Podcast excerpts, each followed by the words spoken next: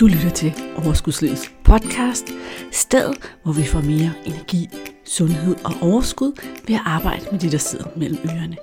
Din vært er life coach og sundhedsnørd Lene Dollerup. Lad magien begynde. Hurra, hvor er det vildt, så er vi her igen. Vi er nået til episode 13 af Overskudslivets podcast. Og i dag, der skal vi tale om sukker, om sukker cravings og om hvordan sukkeret kan have kontrollen over os i stedet for omvendt. Og jeg synes, at januar var et meget passende tidspunkt at tale om sukker, fordi det er lige efter jul, og rigtig mange af os, vi har i julemåneden spist rigtig meget sukker. Men du kan selvfølgelig høre den her podcast når som helst, og få glæde af både det, vi snakker om, hvorfor at det er så svært det her med sukker, og hvad du kan gøre ved det mange de oplever, at når de har været igennem julen og spist noget mere sukker, end de plejer, og det gør mange af os, fordi julen er et sukkerorke per tradition, så kæmper vi utrolig meget mere med sukkertrang, end vi gør resten af året. Og det er der en rigtig god forklaring på. Den får du lidt senere i podcasten her. Men først, så vil jeg egentlig gerne lige vende med dig, hvorfor det er, at vi overhovedet har fokus på sukker, og hvorfor det er, der er så mange af os, der kæmper med det her sådan, sukker. Hvorfor vi ikke bare lader det være og nyder det, som det er. For det første, så er det sådan, at rigtig mange mennesker, de føler, at de ikke selv har kontrollen over, hvornår de skal spise sukker, og hvornår de ikke skal spise sukker. Det er nærmest ude af kontrol, og de føler ikke, at de kan styre det. Og selvfølgelig er det ikke rart ikke selv at have kontrollen. Hvis du var alkoholiker, ville du heller ikke føle, at det var rart, at du ikke selv havde kontrol over, at hvornår du, altså, at du havde behov for at drikke, og at du var nødt til at gøre det. Det er jo egentlig det samme med sukker. Vi vil gerne have kontrollen. Vi vil gerne selv bestemme, hvornår vi spiser det, og hvornår vi lader være, i stedet for at føle, at det ikke er noget, vi har kontrol over. Derfor så er der mange, der ser på det med sukker med blandede følelser. Udover det, så sker der jo også det, at vi oplever, at hvis vi får spist forkert og får spist for meget sukker i vores kost, så bliver vores blodsukker rigtig ustabilt, fordi det farer op og ned fra påvirkningen af det her sukker. Og i virkeligheden så øger det vores appetit og får os lynhurtigt til at indtage flere kalorier, end vi har brug for. Og mange af os, vi ville måske hellere skære lidt ned på kalorierne her i januar, end skære op for dem. Eller skære op, kan man vel ikke sige, men skrue op. Ikke? For nogle mennesker ødelægger det nattesøvnen, og for rigtig mange mennesker, så stjæler det faktisk også deres energi. Jeg har ikke tal på, hvor tit jeg har snakket med coachingklienter, der siger sætninger eller jeg havde faktisk en periode, hvor jeg helt undgik sukker og spiste rigtig meget grønt, og jeg havde simpelthen så meget mere energi. Og det er rigtigt, sukkeret stjæler vores energi og gør os trætte. For rigtig mange, så er det også den sikre måde at få overflødige kalorier ind, fordi sukker ikke er noget, vi spiser, når vi er sultne. Det er ikke noget, der har noget med vores appetit at gøre. Og derfor er sukker også en af de måder, som vi sørger for at putte, eller som medfører vægtøgning for os, og som er et af de mest effektive steder at skære væk, hvis vi gerne vil tabe os eller holde en vægt. Men det lyder jo alt sammen rigtig godt og fornuftigt, og lad os da bare aftale, at vi skal skære ned eller stoppe med sukkeret. Men så nemt er det jo ikke. Og hvorfor er det ikke så nemt? Det er der faktisk nogle ret gode forklaringer på. Der er en til flere. Så her vil du få et par af dem, som måske kan give dig et par har-oplevelser, og måske hvis du egentlig godt noget af det i forvejen. Men det er rart at vide, hvad det er, vi er op imod, inden du får nogle tips og tricks til at handle på det. For det første, så er du jo vejret til at sikre din egen overlevelse, og det betyder, at du er vejret til at gå efter kalorier til et føde. Og det meste mad med sukker er kalorietæt. Der er mange kalorier for pengene. Det var praktisk en gang i gamle dage, hvor vi havde brug for at putte lidt på lager til tider, hvor det ikke var til at få mad. Nu er supermarkedet åben fra 7 til 22, så det sker ikke så tit. Udover det, så sker der jo også det, at jo mere koncentreret form vi spiser sukker i, altså jo mere alene det kommer, eller det kan også være hvidt mel, det har faktisk stort set den samme effekt, så sker der det, at det udløser et ekstremt stort dopaminfix i din hjerne. Det har egentlig også noget med din overlevelse at gøre. Det skal være dejligt at spise mad, det skal være dejligt at have sex, det skal være dejligt at gøre de ting, der sikrer din overlevelse. Så engang så var det dejligt at spise nogle bær, når man var sulten, eller spise noget mad, når man var sulten. Nu får du bare en 10 eller 100, meget, meget, meget større udløsning af dopamin, fordi at sukkeret er så koncentreret. Og det betyder, at din hjerne siger, wow, det var lækset det der.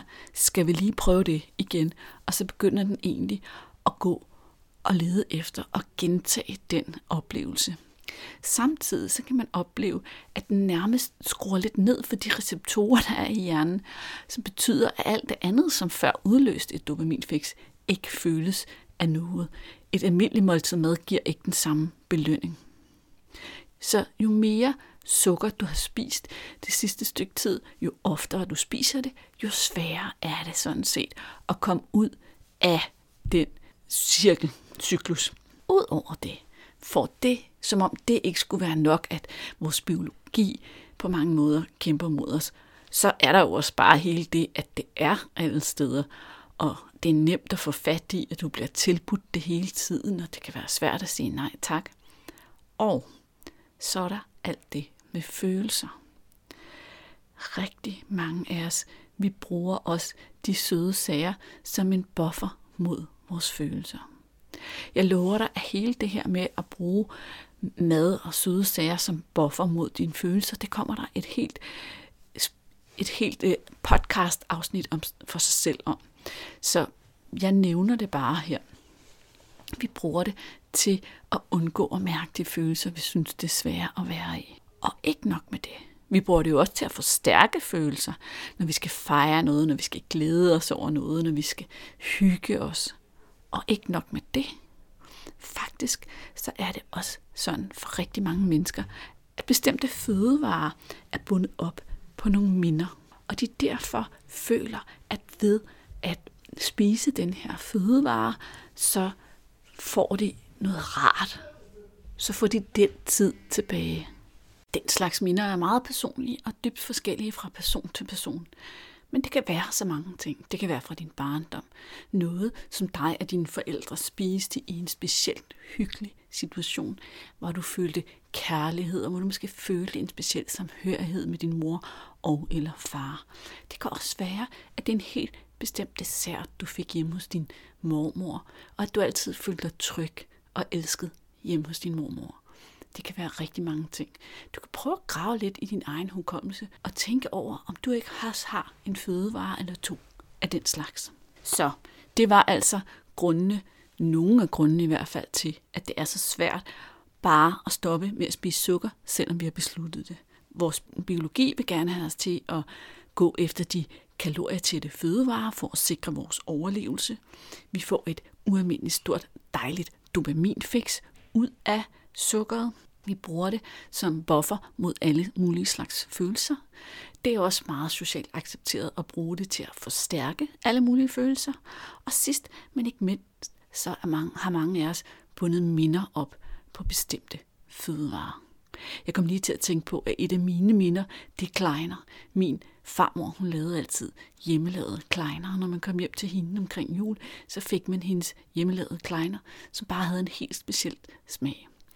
Og når jeg kigger på julesmåkager til jul, er det faktisk tit, at jeg har lyst til kleiner. I kan næsten høre på min stemme, hvordan jeg sidder og smiler, mens jeg fortæller det her minde. Okay, Malene. Jik, hvad gør vi så? Det lyder ikke som om, vi er ude på nogen særlig nem mission her, hvis vi skal give slip på det her sukker. Og det er det heller ikke nødvendigvis. Men det betyder jo ikke, at vi ikke skal gøre det, bare fordi det ikke er nemt, vel? Så det, jeg vil give dig nu her i podcasten, det er nogle gode råd til, hvordan du kan arbejde dig hen imod at få mere kontrol over dit sukker.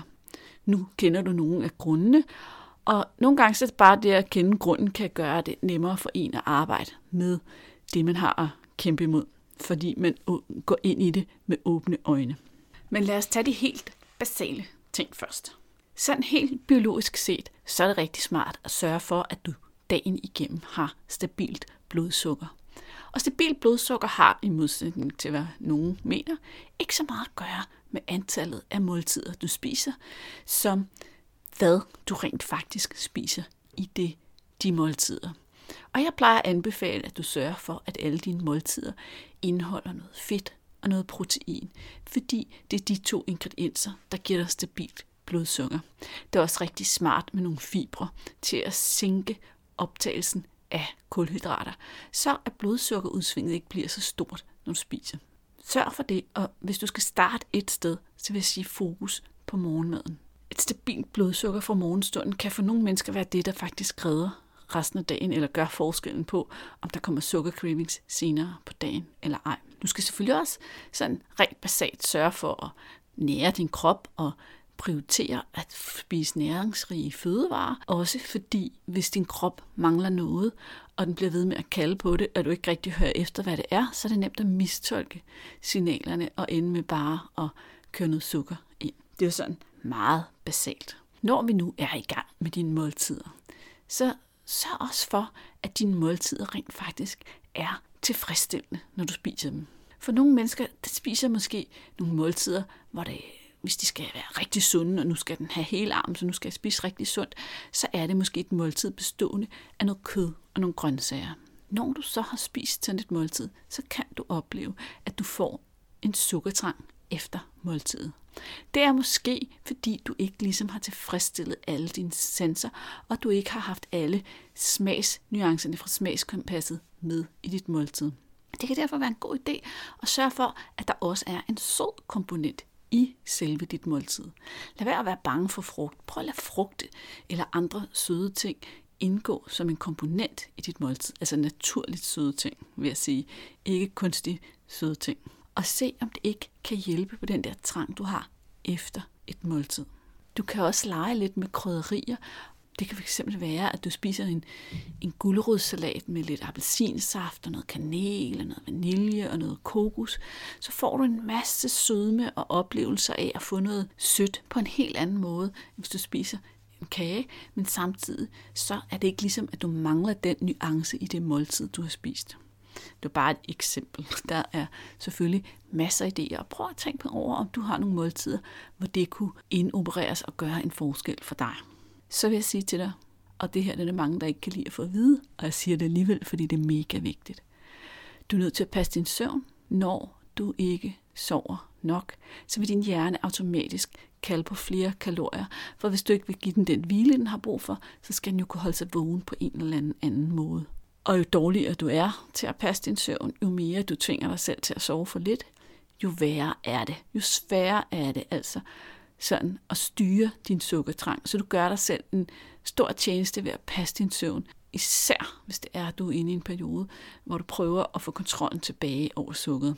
Det samme gælder faktisk pauser. Indimellem så er det sådan, at en af de følelser, vi faktisk spiser for at undgå, det er træthed. Vi vil ikke mærke, at vi er trætte. Vi vil ikke erkende, at vi er trætte. Vi vil ikke erkende, at vi har brug for en pause. Vi synes ikke, det kan være rigtigt, at vi kan tildele os selv en pause lige nu. Så i stedet for at tage den pause, som måske i virkeligheden bare skulle være 5 eller 10 minutters ro, så snupper vi lige noget sukker, så vi kan knokle videre, og knokle videre, og knokle videre. Prøv en gang at tænke over, om det her måske er dig, om du genkender dig selv her. Så skal du også vide, at en trang til søde sager kan fremkaldes af rigtig mange ting. Den kan fremkaldes af noget af det, vi har snakket om i dag. Have ustabilt blodsukker, sørge for, eller sætte sin måltid forkert sammen, sove for lidt, holde for få pauser, minder, følelser, alt muligt. Men det, du skal være opmærksom på, det er, at bare fordi du har en trang, så behøver du ikke nødvendigvis at belønne den. Og omvendt, hvis du altid belønner din trang hver eneste gang den opstår, så er det det, du har øvet dig i, og det er det, du vil blive bedre og bedre og bedre til. Og det vil være sværere og sværere og sværere for dig ikke at reagere på din trang. Så det skal du altså vide. Du skal vide, at nogle gange, så kan det være rigtig sundt for dig at øve dig i ikke at reagere på din trang. Og jo bedre du er til ikke at reagere på din trang, jo mere vil den også med tiden kunne aftage. Men det kræver, som alle andre vaner, fordi der er også noget vane inde her, at du bliver ved med og anerkend, at lige nu har du en trang, som du ikke vil belønne. Så talte jeg om det her med, at rigtig mange af os, vi spiser på følelser. Og det er et kæmpestort issue, der fylder rigtig meget for mange af os. Og det er rigtig svært at lade være med, fordi de fleste af os, vi har aldrig lært, vi skal gøre med vores følelser i stedet for. Hvad skal vi stille op med alle de negative følelser? Hvordan skal vi undgå dem? Hvordan skal vi slippe ud af dem? Og det er i bund og grund, fordi vi er opdraget til, at der ikke er plads til dem i livet. Så her handler det også om, at du skal anerkende, at et liv, et helt og fuldt liv, også handler om negative følelser. Du skal lære at håndtere dine følelser, og være i dine følelser, og mærke dine følelser, og acceptere dine følelser i stedet for at undertrykke dem med mad. Til sidst så snakkede jeg om det her med de minder, som vi har knyttet op på noget, en bestemt fødevare, som typisk er en fødevare i den kulhydrat tunge ende, hvis jeg skal formulere det sådan. Hvad kan du gøre ved det? Det første skridt er selvfølgelig at erkende, at det er det, det handler om. Og at det er din mormors kærlighed eller trygheden fra din barndom eller et eller andet, som du prøver at fremkalde og se på, hvad der ellers hørte med til den oplevelse. Og prøv at se, om du kan fremkalde dig minderne og følelsen ved hjælp af de ting, der ellers indgik i oplevelsen, i stedet for at fremkalde den kunstigt ved hjælp af mad. Altså finde en løsning, som giver dig en positiv nettoeffekt, hvis man kan sige sådan. Du får følelsen uden at få de overflødige kalorier med. For nogen, der kan det godt føles, som om jeg beder dem om at slå op med deres mormor og afvise deres mormor. Nu tager jeg bare mormor som eksempel. Men det er ikke det, det handler om. Det handler om, at den kærlighed fra din mormor, den er der, og den vil blive ved med at være der. Og du behøver ikke fremkalde den ved hjælp af den her dessert, som hun serverede for dig. Den kan opkaldes ved hjælp af nogle af de andre ting, I gjorde sammen, eller bare ved hjælp af minderne. Du kan sætte dig ned og bruge et par sekunder med lukkede øjne på at tænke over, tænke og forestille dig at være i den situation, og mærke, hvordan at du faktisk med din hjerne, med din tankers kraft alene, kan fremkalde en følelse. Hele det her med, hvordan vores tanker og vores følelser er tæt, tæt knyttet, kan du roligt glæde dig til os at lære mere om her i Overskudslivets podcast, fordi det vil jeg også vende tilbage til. Det er en af de redskaber, som ofte indgår, når jeg har folk i coachingforløb, som skal ændre deres forhold til mad og slippe ud af den her evige vægttabs slankekurs cyklus, hvor vi tager på, går på slankekur, tager på, går på slankekur, og i stedet for ender, hvor vi har kontrollen, hvor vi når en naturlig vægt, og vi bevarer den. Det er det, som jeg synes er allermest spændende at arbejde med, og det er det, som mine klienter får redskaber og udvikler evnen til at gøre, når jeg har mit coachingforløb. Og ofte er hele issueet omkring sukker selvfølgelig også en del af det her med, at det er svært at holde vægten, og derfor synes jeg, det var så godt at tage op i dag. Og jeg håber også rigtig meget, at du har fået noget ud af det her sådan, afsnit. Jeg har faktisk en lille guide med nogle gode tips til også at undgå sukkeret, og den kan du hente på overskudslivet.dk-sukkerguide. Når du får den guide, så får du nogle ekstra tips på mails efterfølgende, og du får mulighed for at investere i et sukkerkursus, få sukkermagten tilbage, eller få kontrollen tilbage over sukkeret kursus, som jeg har udviklet, hvor du får nogle mere dybtegående og transformerende redskaber til ligesom at tage det, du har lært i dag, plus en hel masse mere til et niveau, hvor det virkelig bliver hængende, om så at sige. Det var det for i dag. Og som altid så vil jeg sige, at jeg sidder her og laver den her podcast, og jeg er så glad for at få lov at dele alle de her ting med dig. Måske kender du en anden eller to, som også kunne have glæde af det her, og så ville det være rigtig dejligt, hvis du hjalp mig med at udbrede kendskabet til podcasten, og måske, jeg ved godt, det ikke er super nemt, men måske gik ind i din foretrukne podcast-app og gav podcasten nogle stjerner og anmeldte den, sådan at den kan blive spredt ud til flere mennesker. Inde i iTunes for eksempel, der så sker det sådan, at jo flere, der anmelder podcasten, jo flere bliver den bredt ud til. Og det kunne jo være super dejligt. Sidst men ikke mindst, så skal du vide jo, at hvis du lige sørger for at trykke abonner ind i din podcast-app, så kommer det næste afsnit automatisk ned på din telefon, og du vil have det klar hver eneste fredag til at lytte til, hvis ugens emne er noget for dig. Huskede du forresten at høre sidste afsnit, hvor du kunne være fluen på væggen til en live coaching? Ellers vil jeg bestemt anbefale dig at lige snuppe de afsnit med os. Tak for i dag. Vi snakkes ved. Jeg sidder i dit øre igen om en uge, hvis du er klar. Nu hvor vi har klaret det med anmeldelserne og at du skal abonnere på podcasten, så vil jeg lige tilføje, at dette afsnit af Overskudslivets podcast blev sponsoreret af onlineforløbet Slip Sabotøren og Opnå Vejet Vægttab. Hvis det lyder som noget for dig, så kan du læse mere på overskudslivet.dk-slip. Hej.